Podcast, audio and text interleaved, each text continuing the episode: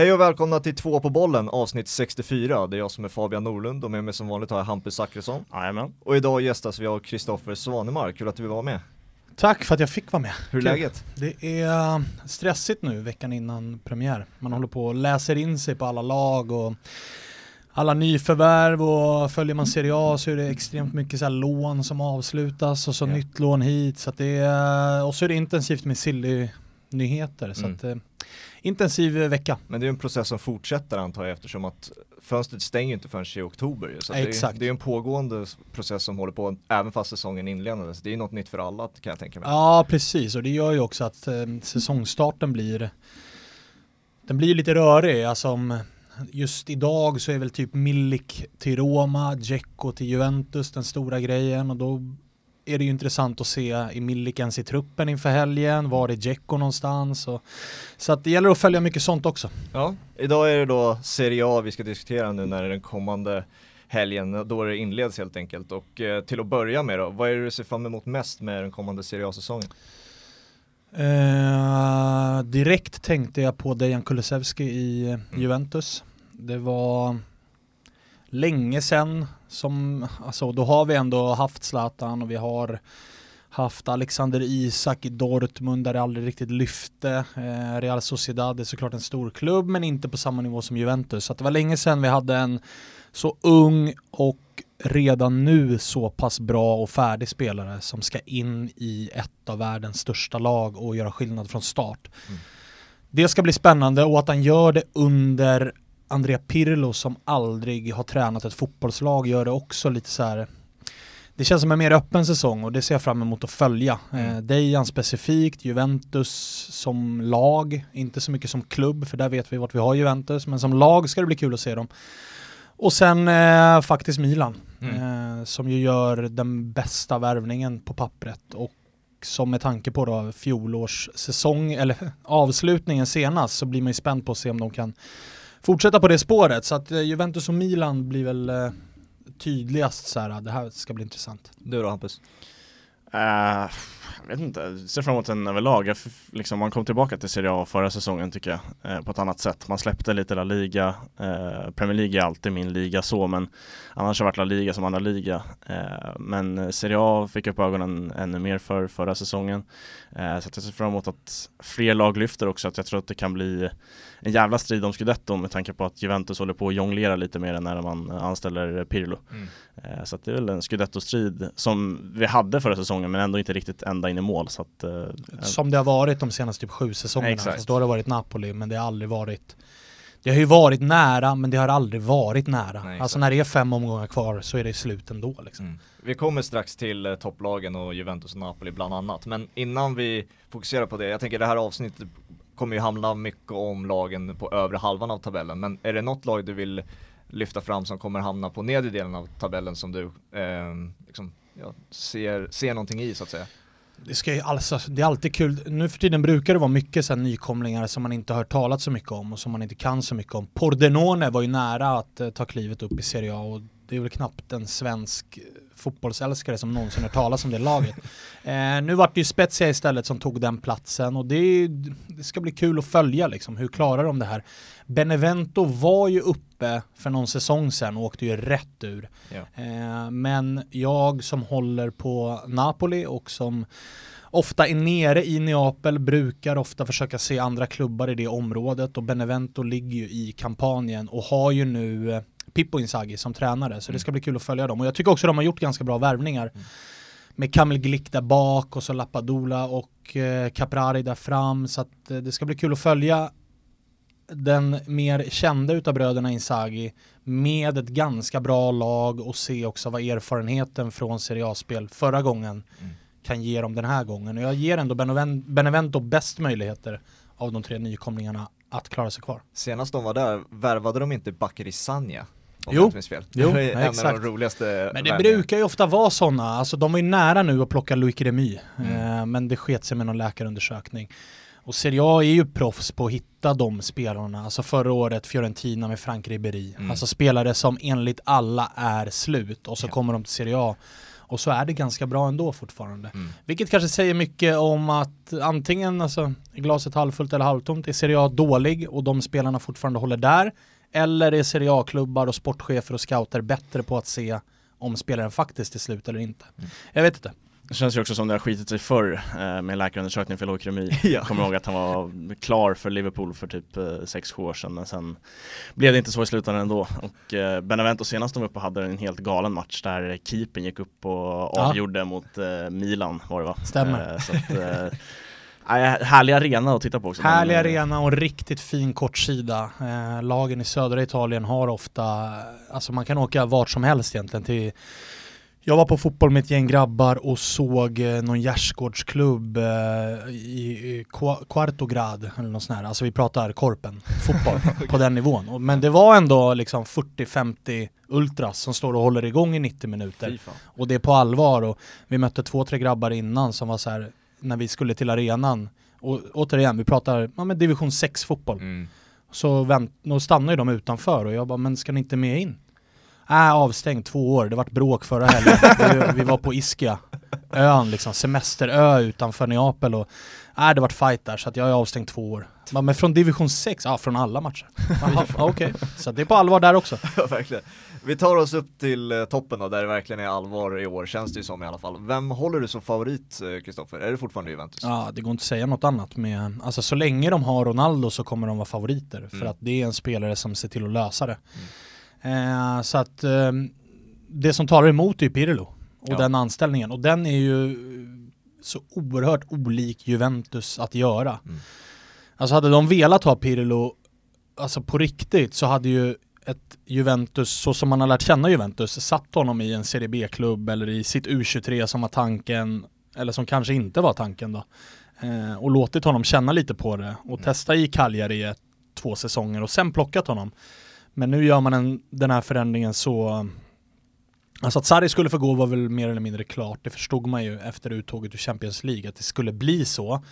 Eh, men ja, jag vet inte, jag tycker att det är så jävla märkligt agerat. För man vet vilken tränare man plockar in när man plockar Sarri. Mm. Och man vet att ger man det här lite tid, ger man honom det laget han behöver så kommer det att bli bra. Och den här första säsongen i Juventus så hade han ju inte det laget han behövde. Nej. Det ju bara Pjanic på det där mittfältet som kan passa en fotboll. Resten är ju bara liksom springa och kämpa. Matuidi och Kedira och sådana här gubbar. Ja. Ramsey, absolut, men han är ju skadad hela tiden. Rabiot, mm, inte Juventus-klass tycker Nej. jag. Och Ronaldo är ju inte en spelare som ska rätta sig efter vad tränaren säger, utan Ronaldo gör som Ronaldo vill. Så att jag tänkte när de tog Sarri att det här är en långsiktig tanke för att när Ronaldo väl lämnar, då har de en tränare som kan koka soppa på en spik och bygga ett lag så som han byggde Napoli och eh, för all del även fick fart på Chelsea, för det var ett bra jobb han gjorde i Chelsea. Mm. Eh, Så att det gick emot lite grann det jag trodde med anställningen utav Sarri och då var jag ännu mer förvånad att det är Pirlo man ersätter med. För att det hade varit logiskt att plocka Pochettino, Ja. Allegri tillbaka, eh, någonting i den stilen. Men att göra ett sånt osäkert val i det här läget, det tycker jag är, det är modigt. Det är riktigt modigt och det är modigt av Pirlo att ta jobbet. Eh, Men eh, det är absolut någonting som i, mi, i min bok just nu talar emot Juventus. Mm. Är det den största chansningen i modern fotbollshistoria? Den är inte, ja alltså den är ju i klass med Clarence Seedorf i Milan. Ja, Alltså det är, jaha, vad har du gjort? Nej men du var, du var bra på att spela. Ja. varsågod. Mm. Eh, så att, eh, och de som ska hota är ju Inter, även om jag tycker att Inter har gjort ett dåligt fönster. Mm. Ett märkligt dåligt fönster för att vara Inter. Och jag förstår dem lite, mycket har handlat om att behålla Lautaro Martinez och lösa typ Alexis Sanchez som gjorde det bra och sådär men Tonali fanns där och hade behövts och det är ett par spelare i den där truppen som inte behövs men som fortfarande är kvar. Eh, vilket också är jag vet inte om, det, om de kraschar lite grann, klubbledning och tränare, vad tränaren vill och vad klubbledningen vill. För jag tror klubbledningen var jävligt sugna på att plocka Tonali. Eh, men får inte Tonali några garantier utav Conte, då väljer ju inte Tonali Inter. Nej. Så jag tror att, jag tror att de eh, bråkar lite mycket där, vilket ju verkar ha varit fallet även när säsongen tog slut, när det rapporterades och viskades om att Conte var på väg bort. Och det löste ju sig till slut. Men Inter skulle behöva få in någonting till. Mm. Just med Pirlo så känns det ju så jävla onödigt att liksom jonglera med den här titeln. Eh, vinner scudetton om de liksom anställer egentligen vem som helst med, med rutin. Sen kan de vinna med Pirlo också men det är ju ändå en chansning. Och det absolut sjukaste är väl att han eh, liksom tog examen eller vad man ska säga igår tror jag. Ja exakt. Eh, sista steget. Att, Tillsammans eh, med bland andra eh, Christian Kivo och eh, Mohamed Kalon. Den gamla godingen. profiler. Ja. Kivo med hjälmen då eller? Ja, ja. Ja okej, fy fan. Ja. Men han var ju missnöjd också med truppen, var han ju tydlig med redan när han kom. Eh, det var ju Higuain och Matuidi, de försvann ju direkt liksom. Mm. Det var ju, vad är det för pusselbitar ni håller med om att han vill ha in liksom? Han har ju pratat om en Isco, han har pratat om en Suarez har ju ryktats väldigt mycket. Är det de typ av spelarna som måste in? Ja, men jag tror att man har tittat mycket på så här, hur får vi ut mest utav Ronaldo? Eh, och de fick inte ut mest utav Ronaldo förra säsongen, utan jag tror de har tittat mycket på hur Real Madrid använder Ronaldo och hur använder de honom? Jo, runt Benzema som en liksom stark target men också ganska rörlig och bra taktiskt skolad anfallare. Eh, så det är rätt tydligt att de har letat efter det och det har ju varit snack om, som du säger, Suarez, det har varit snack om Milik, eh, det har varit snack om Cavani eh, och nu verkar det bli då Edin Dzeko och det skulle ju vara ett super, alltså det är en fruktansvärt underskattad anfallare Edin Mm. Dzeko. Han är jättebra i spelet, jättebra som target, han gör sina mål, han gör aldrig 25 mål, men han gör sina 15 mål Mm. och han gör det dessutom i ett ganska dåligt Roma ska vi ha med oss här. Mm. Så jag tror att Ronaldo hade blivit mycket bättre av att ha en liksom en ordentlig nia att springa runt och, Mm. och som skapar ytor åt honom. Så det tror jag, för det finns ju inte. Nej. Och Iguain är inte den nian. Eh, det är för mycket egoist. Han är, och det är därför Benzema vann den kampen mot Iguain i Ja. Real Madrid back in the days. Så att eh, där har de varit tydliga med att de letar efter det och att de har letat efter finare fötter på mitten. Eh, för där är ju inte, alltså nyförvärvet Artur bra liksom, men tappet av Pjanic kan nog bli kännbart. Bentancourt är ju bra och har fina fötter, men är ju inte riktigt den offensiva, det är ju ingen Isco-typ, utan Nej. det är ju mer en, en ung Pjanic-typ, en sittande spelfördelare. Så att jag tror absolut att det kommer hända grejer i Juventus innan fönstret stänger och jag tror att det blir mer än en grej som kommer hända i Juventus innan fönstret stänger. Mm. Om vi ska snöa oss in på Kulusevski då som vi har nämnt redan. Eh, vad ska förväntningarna ligga på honom den här säsongen? Mina är helt ärligt enorma. Mhm. Eh, Jag vet att många är så här, han är Juventus, det kan ta lite tid nu, men alltså av allt att döma, av hur Cristiano Ronaldo pratar om honom, om hur Pirlo pratar om honom, om hur han rapporteras användas i träning, hur han användes i träningsmatcherna nu senast. Han är en startspelare i Juventus. Ja. Han är bättre än Bernadeschi, han petar Douglas Costa, för Douglas Costa är, fyller väl 31 den här säsongen och är väldigt skadad om det blåser. Så att eh, Dejan kommer nog få väldigt mycket mer speltid än vad folk tror och då är det mycket upp till honom. Mm. Men jag tror att han, eller jag är helt övertygad om att han har det i sig. Hur talande är det för lagbygget av Juventus då när Bernadeschi och Douglas Costa som fyllde 30 igår när vi spelar in där.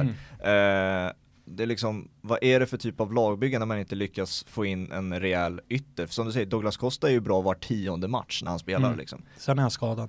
Ja.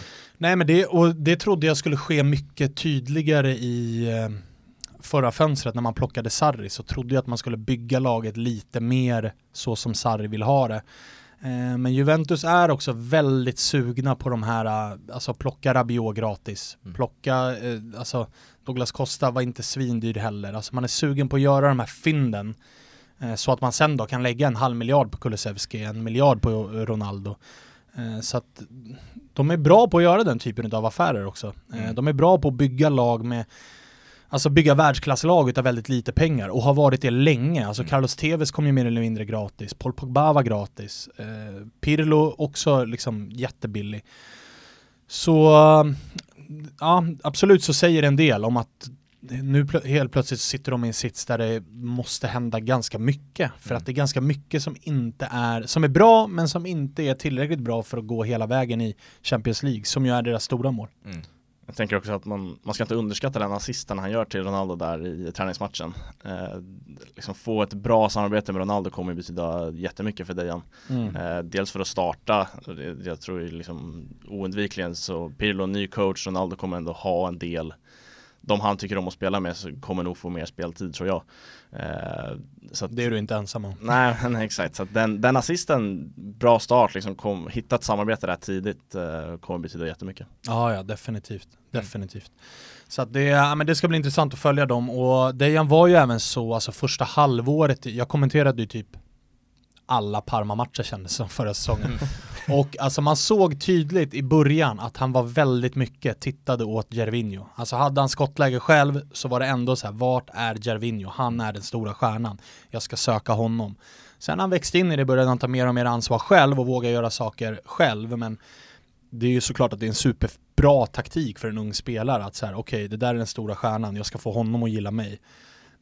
Och vi vet själva hur Ronaldo reagerar om en spelare tar skott när det går och passar Ronaldo. ja, ja. Eh, det är inte, det, det, ja men det är som Zlatan och Messi och alla de här stora reagerar. Så att, mm.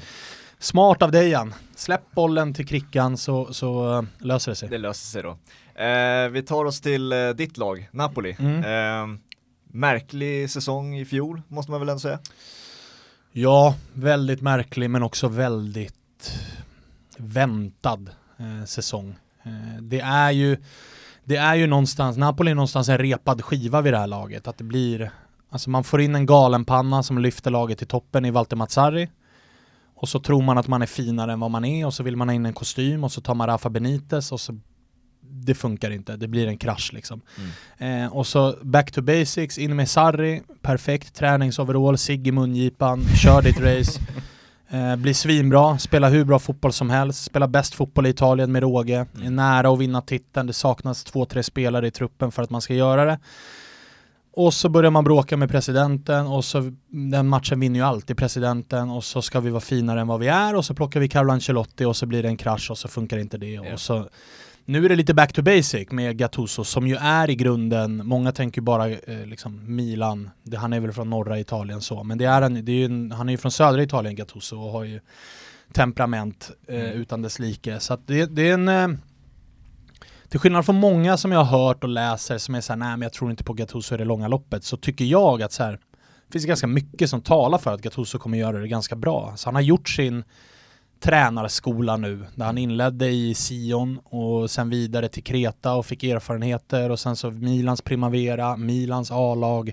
Så att han har liksom ett par klubbar på CVt nu och gjorde ju ett bra jobb med Milan. Alltså titta på det materialet så ska inte det vara bättre än sexa. Nej. Och han tar dem till en sjätteplats och ut i Europa igen. Så att jag menar, det, det, är ett bra jobb och nu i Napoli så tar han dem från att se ut som att det ska vara liksom bottenstrid till tillbaka till toppen, vinner en titel, vilket man inte är bortskämd med som Napoli-supporter.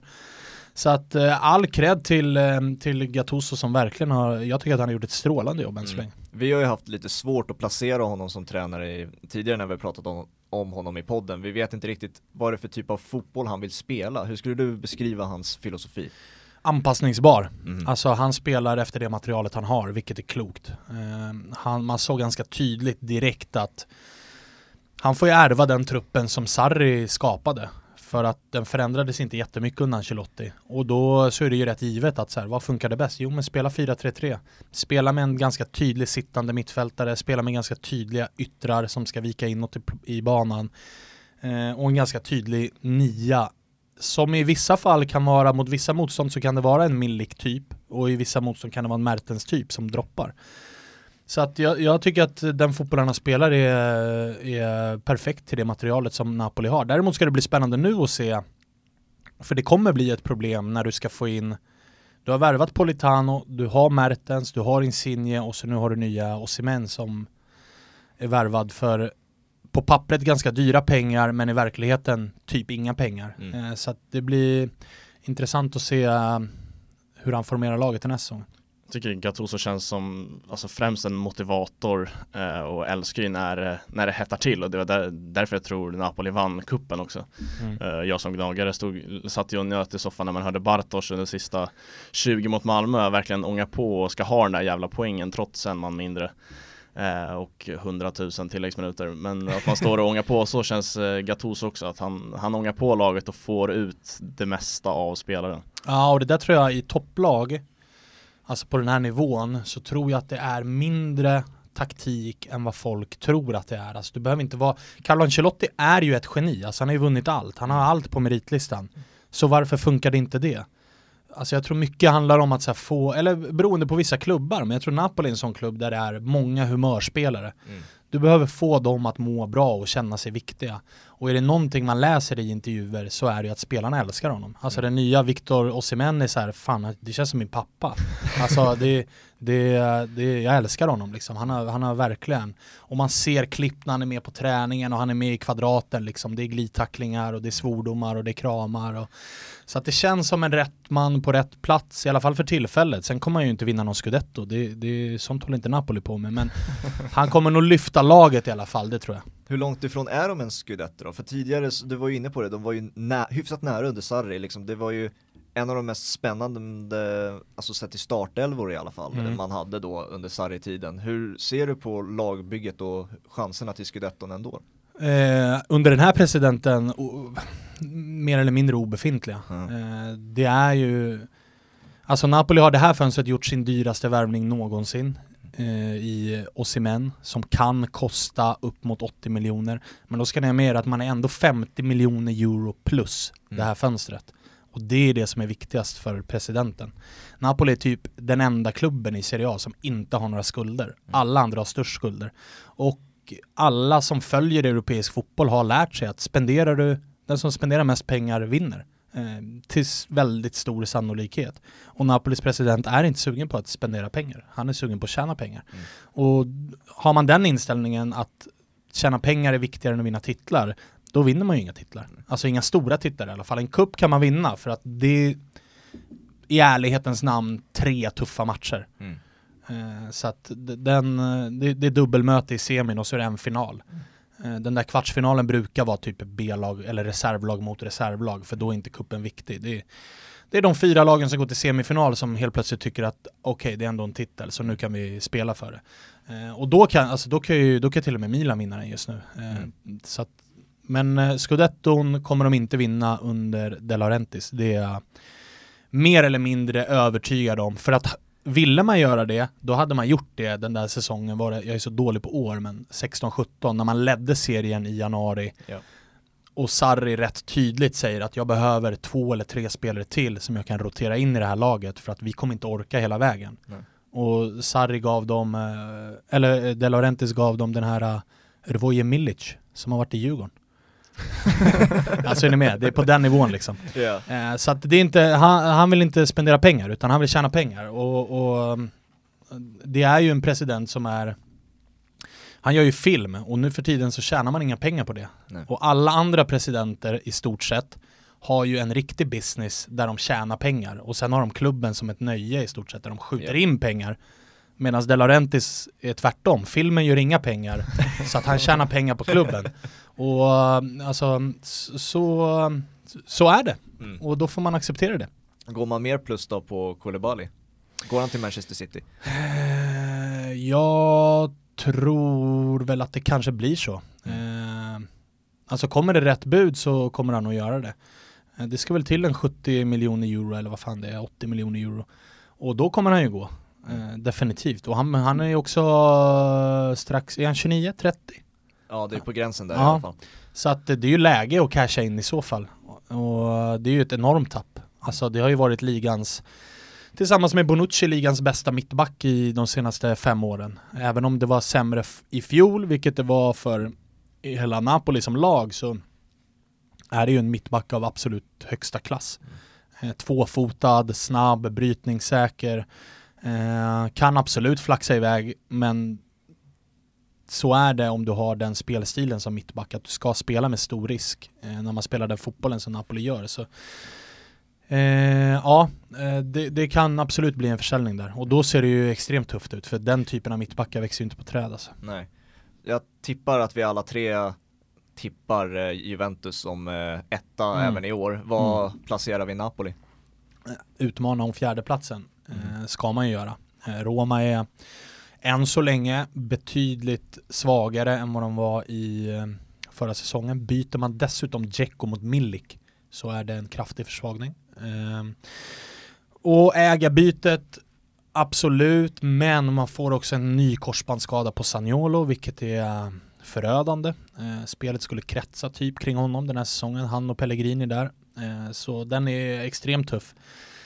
Eh, så Roma kommer nog tappa lite grann. Lazio är, kommer absolut försvagas av att man spelar Champions League och man breddar inte truppen särskilt mycket utan det är i stort sett samma trupp. Man har hämtat in Escalante ifrån La Liga som väl någonstans kanske ska ersätta Parolo som något så andra ankare på mitten om Leiva är skadad. Eh, och man håller väl på att förhandla om en anfallare från Fenerbahce. Eh, men i övrigt så man hade mått bra av att bredda den där truppen för det vart ju övertydligt i, eh, efter coronan att truppen är för, den är för tunn. Man Mm. orkar inte. De råkar ut för exakt samma sak som Napoli gjorde säsongen jag pratade om tidigare. Mm. Att man orkar inte hela vägen in i mål. Och det är samma typ av president där ska tilläggas i Lotito som också är en snål jävel. Eh, som inte vill bränna något deg utan han vill tjäna pengar. Så um, Lazio kommer nog också ha det lite kämpigare och Atalanta de gör det ju fortsatt bra och har ju fått behålla vad det verkar stora delar utav truppen så de ska nog vara med där uppe. Sen är det alltså Inter och Milan. Mm. Inter kommer vara definitivt där uppe. Milan ska absolut också hota om fjärdeplatsen så jag tror att det kommer bli tajt om fjärdeplatsen den här säsongen. Låt oss ta oss till Milano då. Jag, Mm. tipp, eh, jag tippar att du också säger fjärde plats på Napoli. Ja men det känns alltså, jag tror vi kommer komma till det, men det känns som att varenda lag i Serie A ska sluta fyra och någon måste sluta tvåa så att eh, det blir tajt och jag tror att eh, det kan bli en del mindre skrällar uppe i toppen där något lag kanske överpresterar och tar sig andra plats istället. Ja, jag, ja, men jag tycker Inter bör vara rätt tydlig Ja, tvåa. In- de har det laget, de har fått behålla Lautaro Martinez nu, Alexis Sanchez såg bra ut efter coronan.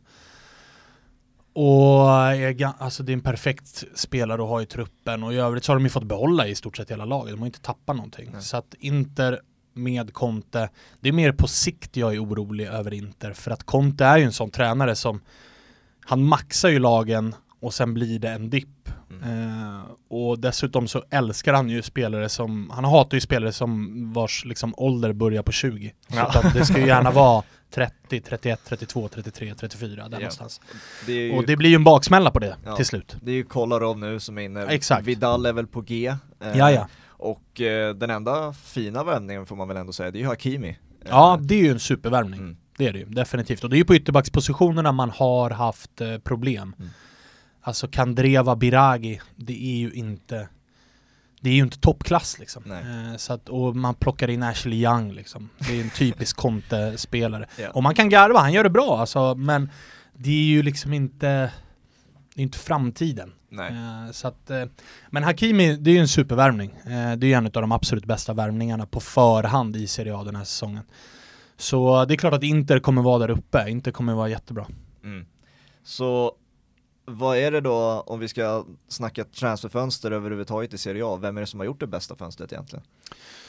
Ja, det är faktiskt en jävligt bra fråga för att det har ju varit ett ganska passivt fönster. Mm. Eh, har det varit. Alltså ekonomiskt definitivt Napoli som har fått behålla hela truppen, krydda den med Victor Osimhen och ändå är plus 50 miljoner euro. Mm. Det är ju ett superfönster Mm. ekonomiskt. Eh, sen är, är det så här, var det det man behövde? För att det är fortfarande Mario Rui som vänsterback. Ja. Alltså, så att det, på så sätt, sportsligt så kanske inte det bästa fönstret. Eh, det, det, är, det är ju Milan.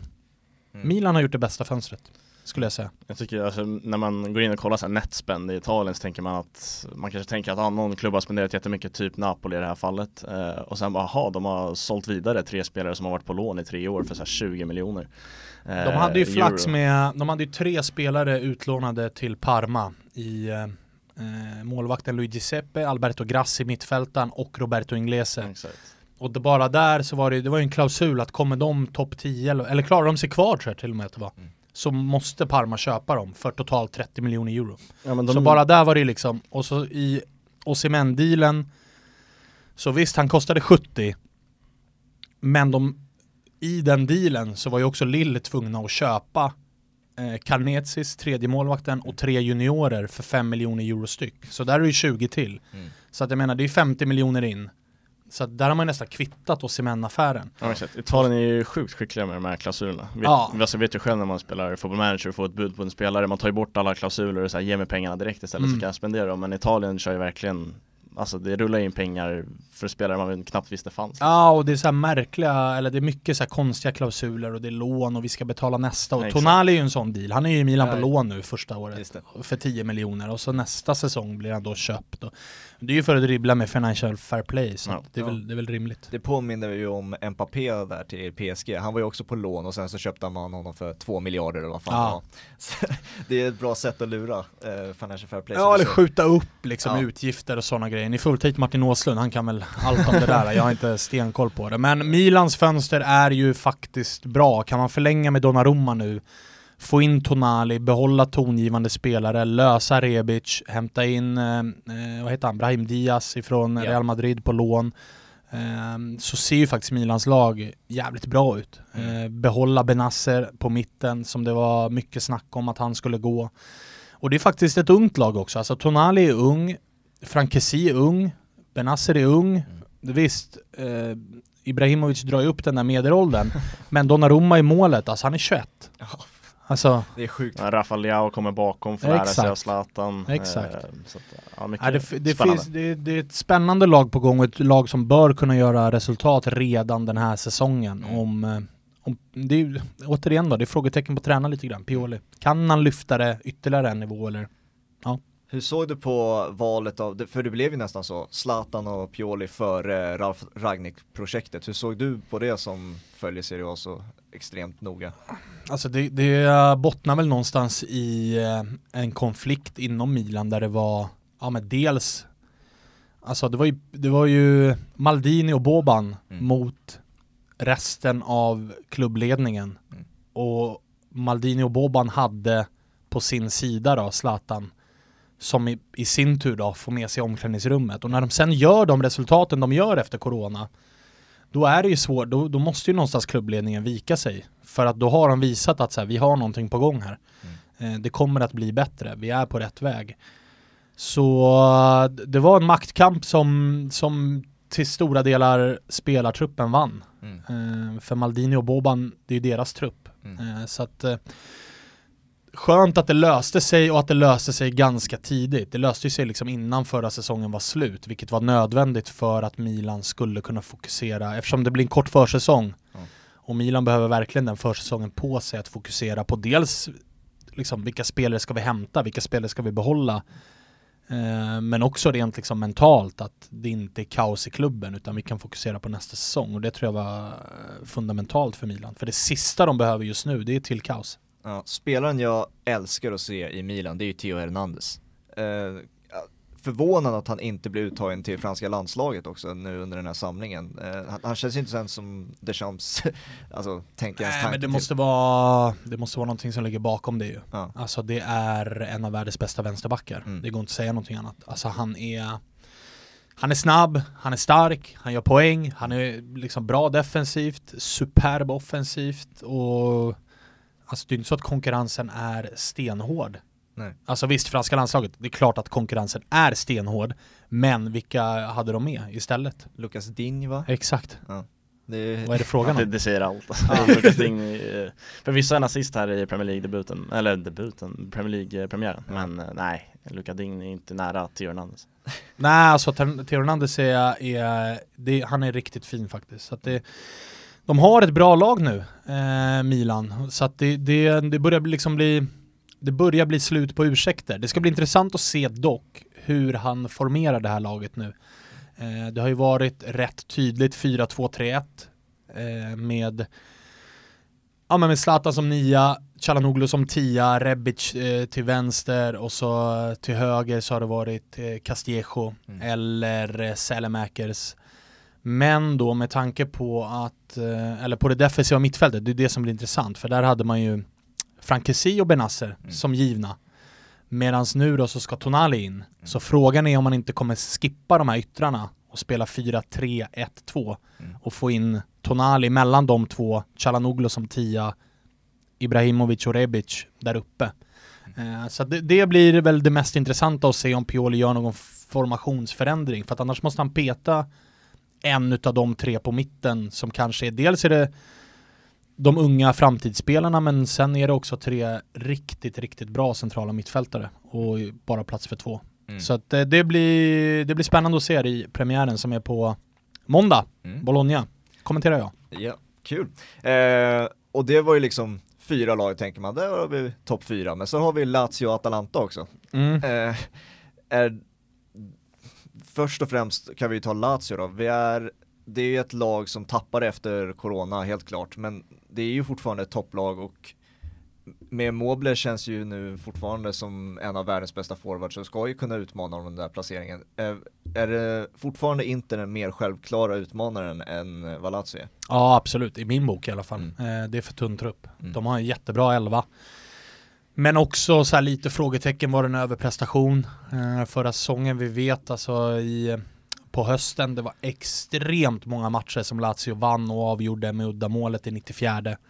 Det kan lika gärna vara, istället för åtta vinster så kan det lika gärna vara sex kryss och två vinster på de matcherna. Eh, och det visar ju på moral såklart, men det är också så här, orkar man? Orkar man det en säsong till? Alltså ska man ha de marginalerna med sig en säsong till? Ehm, så att eh, det, det är mycket sånt som blir intressant. Orkar Immobile? Eh, orkar laget? Alltså Champions League är någonting annat. Europa League kunde man ändå rotera ganska mycket i. Kommer man göra det i Champions League? Tveksamt. Eh, där finns det ju pengar att tjäna som jag var inne på. Det gillar presidenten så där kommer det vara bästa laget. Eh, så att jag, jag är tveksam till, till om Lazio orkar. Mm. Att de är tillräckligt bra för att vara topp fyra, definitivt. Men orkar de vara så bra eh, hela säsongen? Ah, vet inte. Sist vi diskuterade Lazio så kom man ju såklart in på Immobile. Det var ju precis då han hade eh, precis fixat guldskon också. Mm. Och vi, vi kom ju fram till att han inte är världens bästa forward, vilket känns eh, orimligt på något sätt när man ändå gör fler mål än Lewandowski och Ronaldo på samma säsong. Vad placerar du Immobile, alltså inom världsfotbollen? Som målskytt, alltså det finns ju olika typer av anfallare. Hur bra är Firmino? Han gör ju knappt någon mål. Ja, Men hur bra, är- alltså han spelar ändå i Liverpool Ja. och är ju helt jävla given. Eh, men som målskytt så är han ju, förra, alltså säsongen 1920 så var han ju bäst i världen på att göra mål. Mm. Det är liksom hands down, det går inte att säga någonting.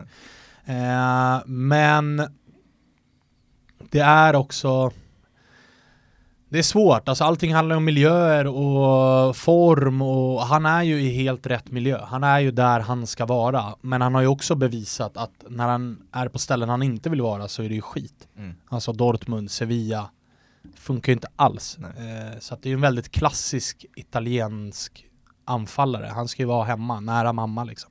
Då mår han bra och då gör han mål. eh, så att eh, jag håller honom ändå jävligt, jävligt högt. Alltså gör man så många mål så eh, är man ju extremt bra. Mm. Eh, och han har gjort, alltså det är inte så att han, har, han har, hade en bra säsong, utan han har ju gjort 25 mål, alltså innan den här säsongen när han gör vadå, 33 eller vad slutar han på? Eh, så har han ju gjort 25, 25, 25, 25, så att det är ju, det är ju absolut en eh, anfallare eller en målgörare utav högsta klass. Mm. Sen är det svårt att ranka sig, är han bättre än Lewandowski? Nej, det är han väl inte. Han spelar ju i Lazio och inte i Bayern München som spelar Champions League-final och vinner den. Men, men eh, som, som målskytt, absolut en av de absolut bästa. Ja, jag ogillar ju starkt när man blandar in så här, man tittar på hur många straffar det har varit och hit och dit, eh, liksom, man håller det emot spelaren, typ Bruno Fernandes och Chiri Mobile. Eh, även Ronaldo hade otroligt mycket straffar i, i år. Eh, ogillar, för de ska, de ska slås in de med. Eh, ben Yedder blev ju till och med strippad på delad eh, skytteligatitel med Mbappé för att han hade gjort mer straffmål. Eh, men jag tror undermedvetet att man håller det håller det emot Immobile och vilket gör att man inte liksom nämner honom som världens bästa. Sen absolut, han spelar i Lazio. Eh, sen har vi självklara Lewandowski i, Bayern München som vinner eh, Champions League så han ska väl inte nämnas kanske som den absolut bästa men jag tror ändå de här straffarna gör att man eh, håller Ja, någonstans alltså, emot honom. Absolut, och på ett sätt så kan jag förstå det lite grann. Det kom ju väldigt mycket på tal när han var nära att slå 36 mål gjorde han ju. Han tangerade ju Higuain, Ja, så exakt. var det. Men, och då är det också så här, okej, men ska vi jämföra de två då? Ska vi jämföra Immobiles 36 med Iguains 36? eh, som båda är liksom målrekord i Serie A under en säsong, så vill jag minnas att Iguains 36 så var det bara tre som är straffmål. Ja. Och då går det ju att säga så här, då är det ju mer imponerande av. Iguain att göra 33 spelmål och bara, Mm. och medan eh, Immobile tror jag gjorde 12 straffmål. exakt. och då är det klart att så, ja, mer imponerande prestation utav Iguain, men lik förbannat så gör han ju 36 mål, så det är klart att det är ett tangerat målrekord. Mm. Eh, det går ju inte att, att ta bort, för det är som du säger, de ska in de med. Vi har ju sett alltså här i Alltså vilka, vilka klubbar har vi ute i Europa? Men vi har ju sett Malmö här Ja, hemma. exakt. Alltså det är inte bara att ställa sig där på punkten och Nej. rulla in bollen i mål, utan, utan den ska in också. Mm. Vilka fler är det som sticker ut för dig i det där Lazio? Luis Alberto är eh, fantastisk. Eh, absolut en utav eh, fotbollsvärldens känsligaste fötter, alltså framspelsmässigt. Han ser han ser ytor som få andra ser, han ser liksom instick som få andra ser. Alltså det är Kevin De Bruyne Mm. som är där uppe också. Eh, I övrigt så är det inte många som är bättre än Luis Alberto på att trä in de där bollarna på Immobile och Caicedo och sådär. Eh, sen ska man faktiskt också prata mer om Strakosha i mål, som jag tycker är en utav, om inte den bästa, men eh, en utav Serie A's bästa målvakter. Mm. Otroligt bra målvakt, eh, som jag gillar väldigt, väldigt mycket. Eh, sen har de lite problem på ytterbackspositionerna. De spelar ju 3-5-2 med wingbacks och eh, säga vad man vill om Lulic, men det börjar ta slut där. Ersättaren heter Johnny och var bedrövlig. Eh, på högerkanten så har man också Lazzari, var den dyraste nyförvärvet inför förra säsongen, 10 miljoner euro från Spal. Lyfte aldrig riktigt och i hans ställe då så fanns Marusic som inte heller är toppklass. Så där skulle de behöva fundera lite grann Lazio. Eh, men Luis Alberto, Immobile och Strakosha tycker jag är oerhört, oerhört bra. Det är intressant att du inte nämner Milinkovic, Milinkovic Savic heter han va? Mm. Eh, eh, för tre, fyra år sedan var det ju ryktet om Man United och Mm. de där stora övergångarna och det var en miljard det snackades om och så. Säg att han hade gått då för fyra år sedan. Vad eh, tror du hade funkat för honom? Säkert. Eh, jag tror att det sitter mycket i skallen på honom. Han har ju gått ner sig de två senaste säsongerna och mycket beror nog på att det aldrig blev den där flytten. Han är ju oerhört nyttig och han är oerhört bra. Och han är bra på så väldigt mycket. Alltså han är ju extremt bra på huvudet, han har ett bra distansskott, han är bra på att gå i djupet. Eh, också bra och har blivit bättre på att försvara. Eh, och är ju en jättebra spelare, eh, ingen snack om saken. Men eh, den där världsklassnivån, mm, jag vet inte om man är där alltså. Nej. Jag tycker att det pendlar lite för mycket i prestationer, jag tycker att han har lite för svag skalle. Han är bra på att liksom bli grinig när det går emot och, och försvinna lite grann ur matcherna. Eh, så att eh, han, han är, det är absolut, det är en superbra spelare, men sen skulle jag sitta här och göra en guide och någon säger fyra eller fem på Immobil, eller på Milinkovic Savic, det blir nog fyra alltså. Mm. Jag tycker att han alltså, personifierar väldigt mycket Lazios säsong. Eh, han är bra när det går bra. Eh, sen när det gick tyngre, Luis Alberto fortsatte ändå göra lite mål assist, Immobile gjorde sina mål. Men eh, Milinkovic Savic försvann helt efter Mm. coronabreaket. Så att han, är, han var extremt bra när Lazio gick bra. Det var ju de allra flesta i det där laget. Eh, men sen eh, fick han inte till det efter coronabreaket. Nej exakt, han har problem med formen och behålla Han har en låg lägstanivå liksom och Ja. den behöver han förbättra för att det ska bli riktigt bra. Och nu börjar ju åldern också att ticka uppåt så Mm. Och då tickar ju prislappen neråt. Det har vi sett på många andra, Chiesa, Belotti, Mm. den typen av spelare där det har varit varit väldigt heta och snacka om den där miljarden som alla vill åt men ja, sen har det dippat. På tal om Chiesa då, det är ju ditt gäng Hampus, Fiorentina som du alltid vill nämna när vi snackar Serie A. Vad, hur går tankarna kring ditt lag numera? Ah, mitt lag är starkt och benämnare som jag hejar inte på Fiorentina. Eh, men eh, alltså jag tycker att de gör ett bra fönster. Eh, har ett helt galet mittfält. Tar väl in eh, Duncan från eh, Sassuolo om jag inte helt ute och cyklar. Men Mm. mycket annat också, tappade alla namn helt plötsligt. Eh, sen har de också satt stuket i år. Bra tröja på Fiorentina. Eh, Ja, det- verkligen. Det, det, det ska man inte underskatta. Eh, liksom, man kan, då kan man titta på dem bara därför, även om det går tungt. Eh, har ju varit ett sorgebarn de senaste åren, eh, haft det väldigt tufft. Eh, men eh, jag hoppas att de lyfter, för att de har, de har extremt härlig trupp. Bra spelare, Kesa är ju Kesa.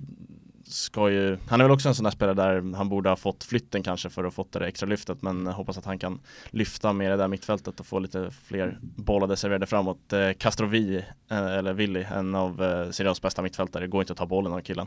Ah, han är otrolig. Prins Boateng är väl tillbaka också i Fiorentina? Är han det då? Jag vet inte. Inte jag, jag sett, heller. Det hoppas jag inte. Jag har sett han träna med Ribéry här under sommaren. Ja men han är, han tillhör ju dem, men frågan är om han kommer vara där alltså. Det är Men det fint. är, ju, det är ju i alla fall Serie A's snyggaste lag. Det eh, måste vi konstatera. De är bra på Alltså Florens, renässansstad och allt vad det är, de är bra på att liksom, de är bra på mode helt Mm. enkelt och eh, även fotbollsmode. Eh, så det ska de ha. Men sen håller jag med, alltså, de har gjort ett bra fönster. De plockar ju en märklig värvning med tanke på att de låg där de låg när de gjorde den, men de köpte ju från Genoa Christian Kouamé som fick spela lite grann efter coronauppehållet, men han var ju korsbandsskadad när de tog honom. Mm. Gjorde ju succé i Genoa första tio matcherna någonting innan korsbandet gick då. Eh, sen plockade de ju Sofian Amrabat ifrån eh, Hellas Verona som gjorde Ja men han var eh, absolut ska nämnas som en av de eh, bättre innermittfältarna i Serie A förra säsongen och det var huggsex om honom men Fiorentina vann den. Så att innermittfältet ser ju fint ut med Sofian Amrabat, med Pulgar som jag tycker om jättemycket. Eh, Castrovilli som ska ta ytterligare steg. Och sen finns det ju spelare i det där laget som ska ta ännu större steg. Eh, det är ju ett ganska ungt lag. Eh, Milenkovic finns och är kvar. Eh, ung spelare som ska ta steg. Polirola, ytterbacken är kvar, han ska också ta steg. Dusan Vlahovic finns där och visade förra säsongen att det finns en hög höjd i honom. Han ska också ta ytterligare steg, så att det, det är ett spännande lag, men det går ju inte att komma ifrån att det är Beppe Jacini som står på linjen. Eh, med sin keps och gapande och skrikande och ja... Det känns som det är det som är grejen med honom, han, han har en keps liksom. Det är ingen som pratar om hans fotboll, det är den där kepsen man pratar om. Ja, och är, man fastnar ju i det liksom. Eh, Står i någon, det passar ju inte i Florens som är, som vi var inne på, en modestad och stå i sen slarvigt, alltså det är ingen figursydd kostym och så en trött keps på det. Eh, Så att det, de, de ska ju ha liksom Prandelli, Mancini, någon snygg på linjen. Eh, Det känns som, även Montella, han borde ju fått vara kvar alltså, han är också snygg. Så det hade nog funkat bättre. Men, men absolut, alltså laget är ju bättre än vad, på pappret är ju laget bättre än vad tabellen visade förra säsongen. Sen behöver Fiorentina en nia som gör mål. Eh, och är det Vlahovic? Vet inte. Är det Cutrone? Vet inte. De behöver en nia som gör mål. Mm. Det, de saknar Luca Toni fortfarande. det är lite kul att ni dissar eh, kepsen när ni båda sitter med kepsen. Jo men jag är inte tränare för Fiorentina. Nej, sant, men fortfarande. Alltså jag bor i Solna, det är inget modemecka det. Eh, Frank Ribéry då, en av mina favoritspelare genom tiderna. Eh, hur mycket spelade han egentligen förra säsongen? Ja men ganska mycket ändå. Eh, För han var ju skadad en lång period också. Ja, exakt. Sen så som för hans del och för många andras del, KME till exempel också, så kom ju coronan lägligt för att säsongen sköts upp Mm. och då kunde han vara tillbaka efter uppehållet. Och med en försäsong i benen så kan han absolut göra stor nytta för Fiorentina även den här säsongen. Eh, Och nyttig framförallt tror jag för de här spelarna vi pratar om, Castrovilli, eh, Vlahovic, att ha Ribéry eh, som kan ge laget lite lugn. Alltså det såg man när han var på planen så är han ju Fiorentinas bästa spelare. Mm. Eh, I alla fall i offensiv riktning. Eh, Så att det, han är nyttig med sin rutin och sitt sätt att kunna ge laget lugn, flytta upp eller hålla i bollen på offensiv planhalva. Så han kommer nog fortsätta vara nyttig så länge han får vara hel. Sen är frågan då, kan han vara hel? Mm. Det, han börjar bli gammal alltså. Jag tänker vi avslutar i Atalanta. Mm. Är det ett stabilt topplag numera? Svaret på den frågan måste ju bli ja. Mm. Eh, och de är ju också så här det måste vara så skönt för dem för de har inte en anfallare som gör 30 mål utan målskyttet är ju utspritt på så pass många spelare så att det blir svårt för större klubbar att liksom tänka honom plockar vi. Mm. Det är så här, "Ha, ska vi plocka Muriel eller ska vi plocka Zapata eller är det Pape Gomes vi ska ha eller är det Pasalic eller är det den här Malinovski eller vem är det som är nyckeln här? Utan det är ju verkligen hela laget. Och då har de ju också fått behålla det. Eh, Så det är väl Pape Gomes, det ryktas ju om PSG där, att han ska casha in lite då på ålderns höst. Men jag tror att han blir kvar och eh, de har dessutom förstärkt med Miranchuk ifrån, eh, är det Dynamo Moskva? Så att, och det är ju återigen en sån här värvning som majoriteten, inklusive jag, ska erkänna, sitter och tänker jaha, vad är det här för gubben? Ja. Och så kommer väl han vara svinbra. För att de är ju extremt, jag skulle vilja säga att det är bäst i Europa på att scouta spelare. Mm. Eh, för de scoutar inte bara spelare där de ser att så här, du är bra. De scoutar också spelare där det är så här, du är bra och du kommer fylla den här funktionen hos oss. Vi kommer ha nytta av dig så du kan gå direkt in. Eh, så att det finns väl ingen anledning att tvivla på att Atalanta kommer vara där uppe den här säsongen också.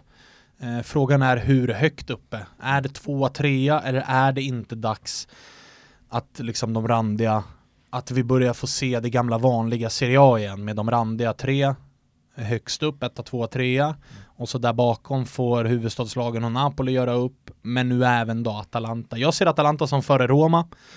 Jag kan mycket väl se Atalanta före både Napoli och eh, eh, Lazio också. Så att ehm, de kan absolut vara topp fyra i år igen. Ja, jag ser fram emot uh, se mer av Malinowski. Han har ett helt galet tillslag på bollen. Uh, skickade in ett par häxpiper förra säsongen. Uh, den där vänsterfoten är ju, alltså så här Mason Greenwood, Marcus Rashford lik. Det är en Ja, det bara smäller. Ja, exakt, det bara smäller. Uh, så att uh, han ser fram emot och sen hoppas jag också att uh, Josip Ilicic uh, hittar tillbaka. Det var väl både en blandning av psykisk ohälsa och sen någon otrohetsaffär där. Uh, psykisk ohälsa är väl svår att bara släppa och gå vidare. Hoppas att han hittar tillbaka till fotbollen i alla fall. Ja, verkligen, för så fin som han var. Och det är mycket, alltså mycket av Atalanta är ju byggt av spelare som är storklubbs rejects, som Mm. ingen har. Alltså Duvan Zapata var i Napoli, han fick det inte att stämma där liksom. Och så Sampdoria och så lite runt och så hittar han rätt där. Ilicic också liksom, aldrig hittat rätt riktigt och så bam, Atalanta hittar det, gör någonting utav det. Så att det, det är många sådana spelare och även eh, alltså det här mittfältet som består utav, ja men det är holländare och belgare och allt vad det är och Deron, han var över i Premier League och testade, flög inte där och sen semifinal eller kvartsfinal i Champions League plötsligt som bärande spelare. Så att de är bra på att dels få ut max utav spelarna och dels också veta hur de ska använda spelarna för att få ut max. Så att det, det är, det går liksom inte, man pratade ju om det förra säsongen och man kommer säkerligen göra det igen, men det går inte att sluta slutas imponeras utav hur bra Atalanta är på att hitta guldkorn som ingen har hört talas om men som är eh, hur jävla bra som helst. Och de här guldkornen, de håller ju oftast en jämn nivå. Det är det som är så otroligt imponerande med Atala- Atalanta. Men vem är det som har den högsta höjden i sig i den där truppen tycker du? Pape Gomes. Det är han som Alltså han är så bra på fotboll så att det är. Det är det definitivt. Men så säger det mycket också. Kolla eh, eh, Timothy Castagne som är liksom en bänkspelare i Atalanta. Han är inte ordinarie utan det är Hattebor på ena kanten, det är Gossens på andra. Castagne har fått vikariera lite när de inte har pallat eller har roterats. Han går till Leicester, kliver rätt in, gör mål i premiären. Ja. Alltså jag menar, det, det är en spelare de hittar på Gärsgård någonstans. Ja. Alltså det, så att de är otroligt bra på att hitta den typen av spelare. Eh, och jag menar Dejan Kulusevski, han fick inte ens en plats. Nej. Så att jag menar det finns det finns säkert fler Dejan Kulusevski-typer i den där akademin och det ska sägas också att Atalanta har en av Serie A's och Europas absolut bästa ungdomsakademier. Mm. Så att det, det kommer spelare, den här säsongen flyttade de upp fem spelare tror jag från Primavera-laget. Eh, någon lånades ut och sådär men det fortsätter liksom att komma. Nu är det ju inte så många spelare i det här laget i Atalanta just nu som är egna produkter. Eh, de hämtade väl tillbaka mittbacken. Eh, Caldara. Exakt, ifrån Milan som egen produkt. Men i övrigt så är det många spelare som, när man sitter och kommenterar Serie A och går igenom spelare så är det extremt många som kommer ifrån Atalantas akademi men som nu spelar i andra klubbar i Serie A. Mm. Och det beror helt enkelt på att Atalanta har blivit för bra. Så att steget för de här unga egna, att gå från akademin till Atalantas A-lag, det börjar bli för stort. Så att då får de lånas ut till Parma, som Dejan. Mm. Och så vart det hur bra som helst. Men, så det är också, de kan ta från egna akademin och de är extremt bra på att scouta. Så att det, är, um, det är en imponerande klubb att följa. Jag tänkte på Castagne också, han gör ju ett riktigt så Atalanta-mål när han fyller på som att han spelade striker bredvid Jamie Vardy eh, och går upp och nickar in den liksom, så Mm. att han fortfarande väldigt införstådd i Atalanta-spel. Eh, så att, Han är ingen vänsterback liksom. Han, Nej, exakt. han, Han- han, ska han framåt. Tänker vi knyter upp säcken där helt enkelt. Eh, stort tack att du ville vara med Kristoffer. Tack själva. Eh, ska jag berätta också vad vi, kan hit- vad vi kan hitta dig på sociala medier och sånt. Ja, eh, C. Svanemar heter jag på Twitter. Det är väl framförallt där som jag härjar och härjar ganska mycket. eh, men jag tycker att det är kul. Det är roligt och högt i tak, eh, och liksom diskutera fotboll. Det tycker jag är, är roligt så länge man håller tonen liksom och det inte blir så här, ja, fula ord och sånt så, så eh, tycker jag att det är ganska soft och snacka skit. Ja. Eh, som vi har gjort nu liksom. Det, jag tycker att det är, är roligt. Så där hittar man mig och vill man lyssna på min röst mer så hörs jag hela helgen på Simor. Det ser vi fram emot. Och vad hittar vi oss då Hampus? Eh, Det är eh, Instagram och eh, Twitter framförallt, eh, olika namn där tyvärr. Eh, Instagram 2 pabollen och eh, Twitter 2 bollen. Eh, Sen kan man ju följa eh, våra personliga konton som eh, ligger i bion där, där man kan eh, förra veckans eh, såg den när jag satt med ett eh, kollegieblock inför Fantasy Premier League, faller ut rätt bra, eh, ligger bra till i ligorna så att eh, Är det jobbar så? på där. Kapten på Salah Ja. eller? Ja, det är vi båda plockade. Bommade man ju. ja. Körde abonnemanget. ja. Det är en bättre lycka nästa gång. Eh, Wildcard aktiverat. är det så? Ja, ja, ja. ja. Kör direkt. Självklart, det är In inget att med- spara på. City United. Det är inget att spara på. Men eh, vi hörs nästa vecka igen. Så får ni ha det så bra så länge. Ha det bra. Ciao. Ciao.